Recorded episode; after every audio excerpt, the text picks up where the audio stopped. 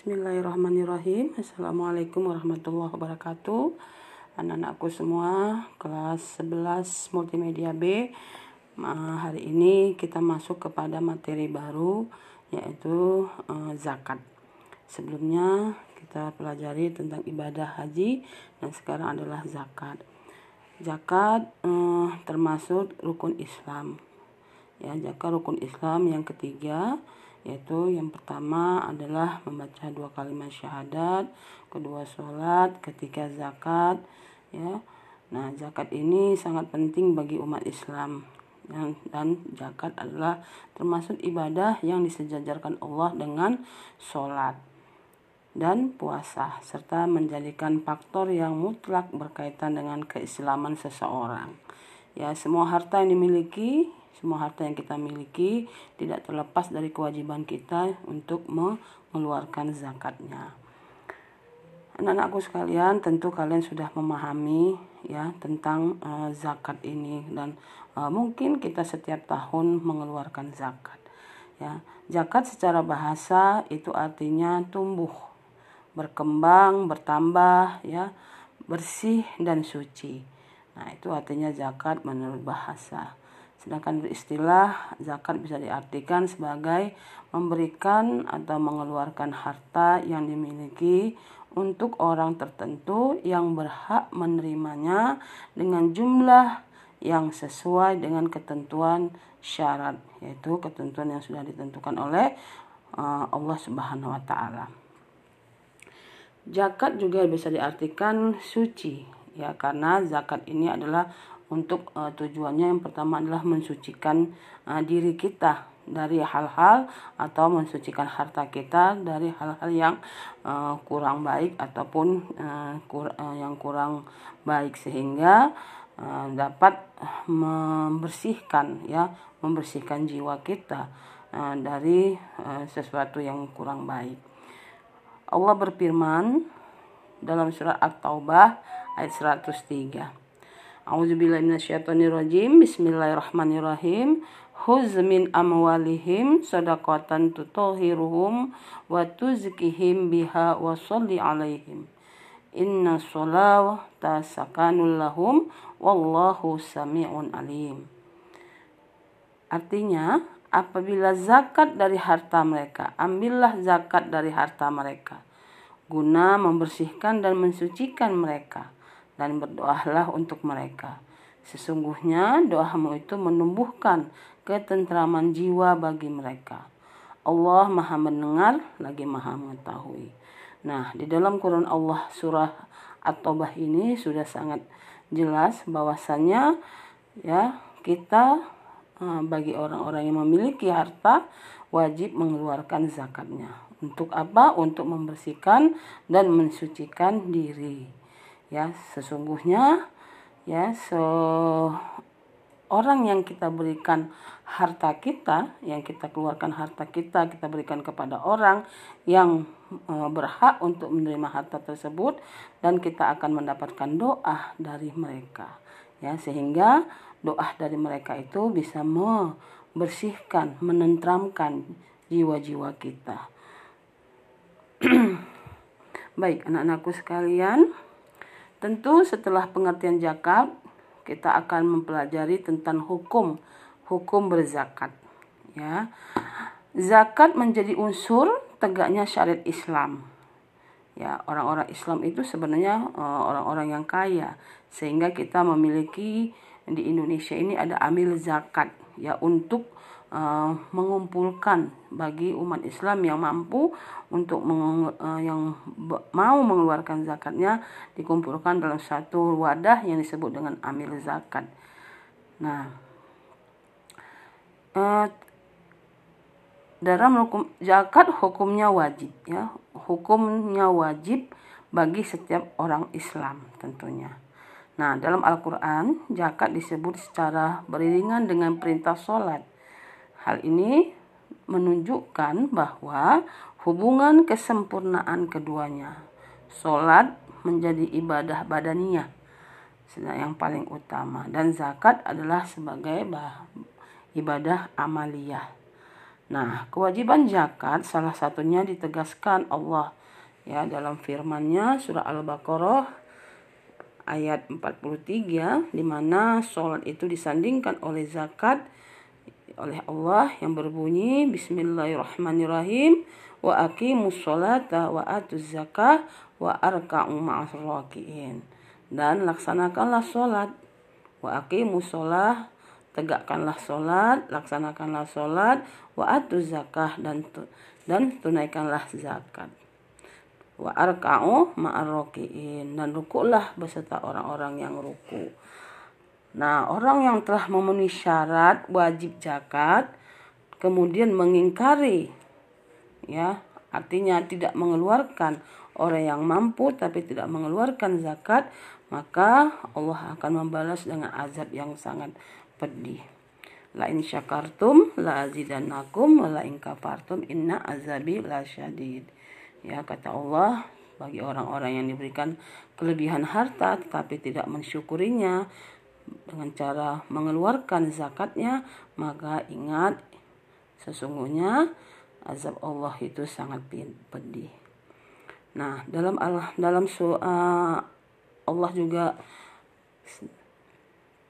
Rasulullah SAW pernah bersabda ya dari Ali bin Abu Thalib radhiyallahu anhu Bismillahirrahmanirrahim Innallaha faradu 'alal aghniya al-muslimin fi amwalihim yaqulu alladhi yasa'u fuqara'ahum lam yajhadul fuqara'a iza ja'u aw ghuru illa bima yasna'u aghniya'u hum illa wa innallaha yuhasibuhum hisaban syadidan wa yu'azibuhum azaban alima.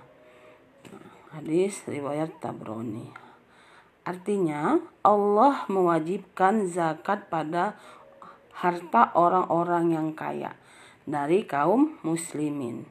Sejumlah yang da yang dapat memberikan jaminan kepada orang-orang muslim, orang-orang miskin di kalangan mereka Fakir miskin tidak akan menderita kelaparan dan kesulitan. Sandang pangan melainkan disebabkan perbuatan golongan orang-orang kaya. Ingatlah bahwa Allah akan mengadili mereka secara tegas dan menyiksa mereka dengan azab yang pedih akibat perbuatannya tersebut. Nah, di dalam hadis Nabi yang diriwayatkan oleh uh, Tabroni tersebut sudah sangat jelas bahwasannya Allah mewajibkan Allah mewajibkan bagi orang-orang yang mampu, orang-orang yang diberi harta kekayaan yang berlebih dari Allah kepada mereka untuk menolong orang-orang yang miskin atau orang-orang yang fakir miskin. Artinya, di dalam harta seseorang itu memilih ada ada uh, dalam harta seseorang itu ada hak orang lain di dalamnya di mana ya setiap harta yang kita miliki kita harus mengeluarkan yaitu yang namanya zakat. Ya jadi di dalam harta kita itu bukan sepenuhnya milik kita tapi ada sebagian harta itu adalah milik orang lain yang kita harus keluarkan. Nah zakat dapat dibagi menjadi dua bagian yaitu tentu kalian sudah tahu semua yaitu pertama adalah zakat fitrah. Nah, zakat fitrah ini dikeluarkan pada saat bulan Ramadan ya, menjelang berakhirnya bulan Ramadan. Sebelum dilaksanakan sholat Idul Fitri. Nah, untuk zakat fitrah ya dari awal bulan Ramadan kita sudah bisa mengeluarkannya dan terakhir adalah pada malam uh, takbir ya pada malam akhir atau pada malam Idul Fitri. Nah, apabila kita sudah um, melaksanakan sholat Idul Fitri, maka kita sudah tidak bisa lagi untuk mengeluarkan zakat fitrah dan itu dianggap adalah sedekah atau sedekah biasa saja. Nah, berapa besar yang kita keluarkan zakat fitrah kita yaitu dua setengah eh, dua setengah kilo ya kilogram bahan makanan pokok. Atau 3, setengah liter. Jadi tinggal dihitung saja kalau kita mau mengeluarkan berupa bentuk bahan makanan seperti beras, maka tiga setengah liter. Dan kalau kita mau berbentuk uang berarti kita uh, uangkan tiga setengah liter itu berapa uangnya ya. Kalau misalnya seliternya 10.000 berarti 35.000 satu jiwa atau satu orang. Nah itu tadi zakat fitrah. Nah kita semua uh, wajib mengeluarkan zakat fitrah supaya uh, puasa kita diterima oleh Allah SWT. Orang yang berpuasa tetapi tidak mengeluarkan zakat fitrahnya, maka itu puasanya tidak langsung diterima oleh Allah SWT ya jadi sebagai kaum muslimin orang yang beriman setelah kita melaksanakan ibadah puasa kita harus iringin dengan mengeluarkan zakat fitrah. Yang kedua adalah zakat mal. Nah zakat mal ini bisa disebut juga dengan zakat harta yaitu zakat yang diwajibkan dikeluarkan apabila telah mencapai syarat-syarat tertentu yang dibayarkan dalam jangka waktu satu tahun satu tahun Nah, semua bentuk ibadah diperintahkan Allah dan Rasulnya harus sesuai dengan ketentuan yang telah disyariatkan. Artinya ketentuan-ketentuan itu yang sudah ditetapkan oleh Allah Subhanahu wa taala. Nah, begitu juga dengan pelaksanaan zakat harus sesuai syarat dan rukunnya. Ya, dan berkaitan dengan syarat dan syarat-syarat zakat, maka Syarat zakat itu ada dua bahagian. Yang pertama, syarat yang berhubungan dengan muzaki. Muzaki itu adalah orang yang terkena wajib zakat atau orang yang mengeluarkan zakat. Nah, orang yang memiliki kewajiban membayar zakat atau yang disebut dengan muzaki harus memenuhi syarat. Nah, jadi kalau orang yang kewajiban atau yang mengeluarkan zakat juga memiliki syarat. Jadi tidak sembarang juga. Yang pertama, wajib orang Islam. Jadi kalau bukan orang Islam, maka tidak termasuk orang yang eh, terkena untuk kewajiban membayar zakat. Yang kedua, merdeka. Tentu saja di sekarang sekarang ini tidak ada lagi hamba sahaya, semuanya sudah merdeka ya. Tentunya yang kedua ini sudah uh, mutlak ya. Yang ketiga, balik dan berakal. Jadi orang-orang yang belum balik atau orang-orang yang tidak berakal atau orang gila tidak uh, mendapatkan kewajiban untuk mengeluarkan zakat. Nah, yang kedua atau B, syarat yang berhubungan dengan jenis harta. Nah, ini harta yang bisa kita keluarkan zakatnya. Nah, harta yang akan kita keluarkan harus memenuhi syarat. Nah, sekarang syarat yang pertama tadi syarat orang yang mengeluarkan zakat atau muzaki harus Islam, merdeka, balik dan berakal. Nah, sekarang harta yang akan dia keluarkan ya itu juga memiliki syarat-syarat tertentu. Tidak semuanya bisa dikeluarkan eh, zakatnya ya. Nah, syarat yang eh, harta yang boleh dikeluarkan zakatnya yang pertama adalah eh, milik penuh. Jadi milik penuh itu artinya uh, harta yang dizakatkan itu kepemilikan hak orang itu sendiri, hak kita sendiri. Jadi bukan hak orang lain. Jadi kalau ada harta yang harta itu adalah harta orang, maka kita tidak boleh mengeluarkan zakatnya. Tapi yang kita keluarkan zakat adalah harta milik kita sendiri. Yang kedua, harta yang bisa kita keluarkan zakatnya adalah harta yang berkembang Artinya, harta tersebut mengalami perkembangan baik secara alami ya. Contohnya misalnya e, perkembangbiakan ya kita memelihara sapi atau kambing ya yang berkembang sehingga e,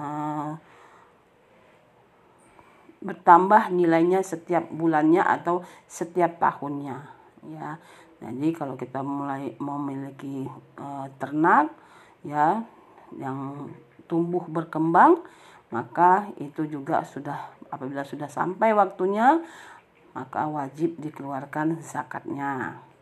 Nah, yang ketiga adalah mencapai hisab. Mencapai nisab artinya harta yang dikeluarkan zakatnya harus mencapai batas Nah, batas atau ukuran minimal yang telah ditetapkan oleh syariat. Artinya apa? Yang ketiga ini ya harta yang kita miliki itu sudah mencapai nisab atau ukurannya. Contohnya adalah misalnya kita memiliki uh, emas. Ya, jadi kalau kita memiliki harta emas 85 gram, kalau kita sudah memiliki sampai 85 gram, ya, nisab itu artinya uh, kadar atau ukurannya, maka kita sudah wajib mengeluarkan zakatnya ya dua setengah persen dari harga 85 gram tersebut ya dan harus sudah mencapai waktunya. Jadi yang bisa kita keluarkan tadi uh, hartanya itu apabila sudah satu tahun ya dan sudah mencapai ukurannya 85 gram maka kita wajib mengeluarkan zakat harta kita yang berupa emas tadi dua setengah persen Nah, yang keempat, lebih dari kebutuhan pokok. Artinya, zakat wajib dikeluarkan jika semua kebutuhan pokok seperti makan, pakaian, dan tempat tinggal telah terpenuhi. Ya, jadi kalau misalnya kita sudah uh, memiliki kelebihan, ya, kebutuhan pokok kita sudah terpenuhi, maka kita wajib mengeluarkan zakatnya. Yang kelima, bebas dari utang. Ya, jadi orang-orang yang sudah mengeluarkan zakat itu ya harta yang dimilikinya bukan merupakan hasil berutang atau bersih dari utang. Jadi apabila hartanya itu e, hasil dari hutang, maka dia tidak wajib mengeluarkan zakatnya. Ya, jadi harus dan orang yang sudah muzaki yang e, e, wajib mengeluarkan zakat pun tidak boleh memiliki hutang. Kenapa? Karena hutang harus diprioritaskan terlebih dahulu, harus dibayar ya sebelum dia mengeluarkan zakat. Yang keenam, berlaku satu tahun.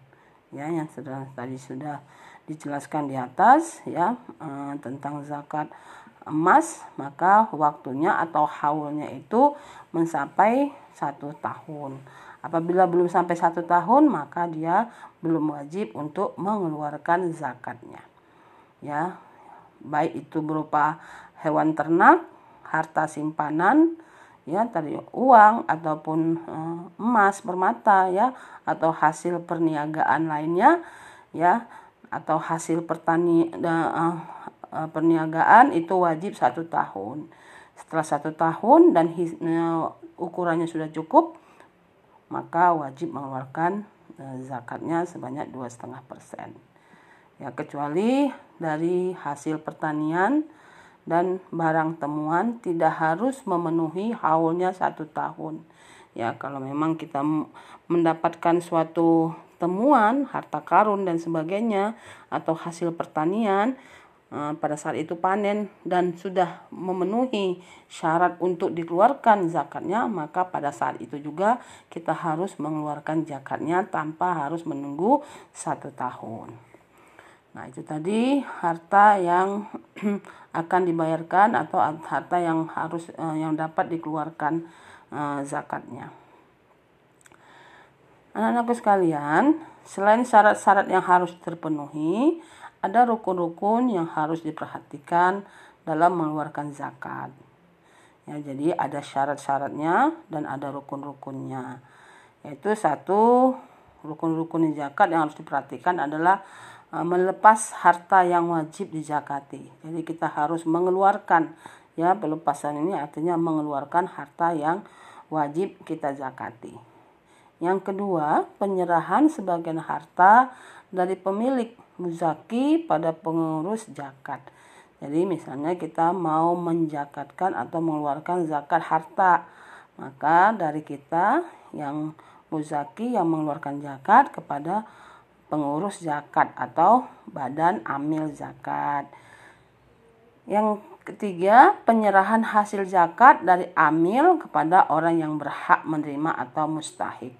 Ya, jadi rukunnya itu ada tiga. Yang pertama, kita mengeluarkan zakat kita dan kita berikan kepada amil atau orang yang mengurus zakat dan dari amil zakat mengeluarkannya lagi atau memberikannya lagi kepada orang-orang mustahik atau orang-orang yang berhak untuk menerima zakat tersebut. Nah, itu tadi kita sudah membahas tentang syarat-syarat e, mengeluarkan zakat, ya, rukun-rukun e, zakat yang sudah kita pelajari. Baik anak-anakku sekalian, karena memang zakat ini sangat penting dalam uh, umat Islam ya untuk saling menolong. Nah, Allah memberikan uh, kelebihan kepada orang-orang dan ada yang kekurangan, maka orang-orang yang memiliki kelebihan harta itu wajib uh, memberikan atau mengeluarkan zakatnya kepada orang-orang yang membutuhkannya. Ya. Oke, apa saja sih hikmah dan keutamaan ibadah zakat? Ya. Karena zakat diperintahkan sebagai bukti bahwa syariat Islam sangat melindungi kehidupan sosial dan ekonomi masyarakat. Ya, orang Islam itu harus saling membantu ya antara satu dengan yang satunya sehingga mengokohkan persaudaraan ya umat Islam itu sendiri. Nah, selain itu zakat juga memiliki banyak hikmah ya atau keutamaan bagi uh, muzaki atau orang yang mengeluarkan zakat maupun mustahik orang yang menerima zakat tersebut. Nah, antara lain apa saja hikmah ya bagi uh, keutamaan ya dari kita mengeluarkan zakat ya satu mengeluarkan zakat tidak menyebabkan seorang menjadi miskin ya apabila orang yang memiliki harta ya mengeluarkan zakat mengeluarkan hartanya untuk membantu orang-orang yang membutuhkannya, maka tidak menjadi seorang itu menjadi berkurang hartanya atau menjadi miskin, tetapi hartanya akan semakin bertambah dan ber dan berkah. Ya, maka Allah akan menambahkan hartanya, bukan mengurangi dan menambahkan keberkahan dari harta tersebut. Yang kedua, hikmah kita mengeluarkan zakat adalah menjaga dan memelihara harta dari kebatilan yang akan merusak ketertiban masyarakat. Nah, orang-orang yang memiliki harta banyak dan mengeluarkannya itu mencegah dari kebatilan. Kebatilan dan merusak ketertiban masyarakat. Artinya apa? Kalau kita membantu orang-orang miskin, maka tidak menimbulkan ya tidak menimbulkan uh, perbedaan sosial di masyarakat sehingga menimbulkan uh, suatu uh, menimbulkan nanti banyak kejahatan-kejahatan yang terjadi di tengah masyarakat karena terjadinya kesenggangan ya kesenggangan uh, ekonomi di tengah-tengah masyarakat. Makanya Allah memerintahkan bagi orang-orang yang memiliki harta yang banyak untuk mengeluarkan membantu orang-orang yang mengalami kesulitan dalam kehidupan sehingga mencegahnya untuk berbuat kejahatan atau kebatilan. Yang ketiga, hikmahnya adalah membersihkan diri dari sifat kikir, ya. Jadi, kalau orang-orang yang suka bersedekah, orang-orang yang suka mengeluarkan zakat, maka menghilangkan sifat kikir yang ada di dirinya dan mendidik manusia agar memiliki kepakaan sosial. Ya, jadi rasa uh, empati, simpati kita itu kepada orang lain, ya merasakan kesulitan orang lain, ya karena kita sering uh, mengeluarkan uh, harta kita bersedekah, berzakat, maka menimbulkan kepekaan di dalam diri kita. Ya tidak boleh melihat orang susah, maka kita akan uh, ikut membantu merasakan kesusahannya seperti itu. Ya Allah berfirman dalam surah Ali Imran ayat 180 A'udzubillahi minasyaitonirrajim. Bismillahirrahmanirrahim. Wala yahsabanna allazina yabkhaluna bima atahumullahu min fadlihi. Huwa khairul lahum bal huwa syarrul lahum. Sayutawakuna ma yakhilu bihi yaumal qiyamah. Walillahi mira mirasul mirasus samawati wal ardh Wallahu bima ta'maluna khabir. Artinya, dan janganlah sekali-kali orang-orang yang kikir dengan apa yang diberikan Allah kepadanya. Tuh, mereka dari karunia-Nya mengira bahwa kikir itu baik bagi mereka, padahal kikir itu buruk bagi mereka. Apa harta yang mereka kikirkan itu akan dikalungkan di lehernya pada hari kiamat. Nah, milik Allah lah warisan apa yang ada di langit dan di bumi. Allah Maha teliti terhadap apa yang kamu kerjakan atau Allah Maha mengetahui terhadap apa yang kamu kerjakan. Nah, seperti itu. Jadi orang-orang yang kikir kata Allah dalam surah Ali Imran nanti akan dikalungkan hartanya yang dimilikinya tapi tidak mau mengeluarkan zakatnya, tidak mau bersedekah, maka harta kekayaannya itu akan dikalungkan ya berupa api neraka nanti di lehernya. Ya, bagi orang-orang yang kikir, orang-orang tidak mau mengeluarkan harta kekayaannya. Yang keempat, memberikan pertolongan bagi orang-orang yang membutuhkan ya bantuan agar mereka mampu melaksanakan kewajiban kepada Allah. Nah, yang keempat ini hikmahnya memberikan pertolongan. Pertolongan bagi orang yang membutuhkan ya. Misalnya orang yang tidak kelaparan, ya kita memberikan e, makanan ya agar dia memiliki tenaga, agar dia sehat ya untuk dapat melaksanakan kewajibannya sebagai hamba ya kepada Allah. Artinya agar dia dapat beribadah, dia bisa sholat, ya, dia bisa uh, puasa, dia bisa bekerja karena dia memiliki tenaga. Ya, kenapa? Ada yang membantunya untuk memberikan makanan, gitu ya. Itu salah satunya. Yang keempat dan tadi, yang kelima menghindarkan diri dari perilaku dengki, iri hati dan ria.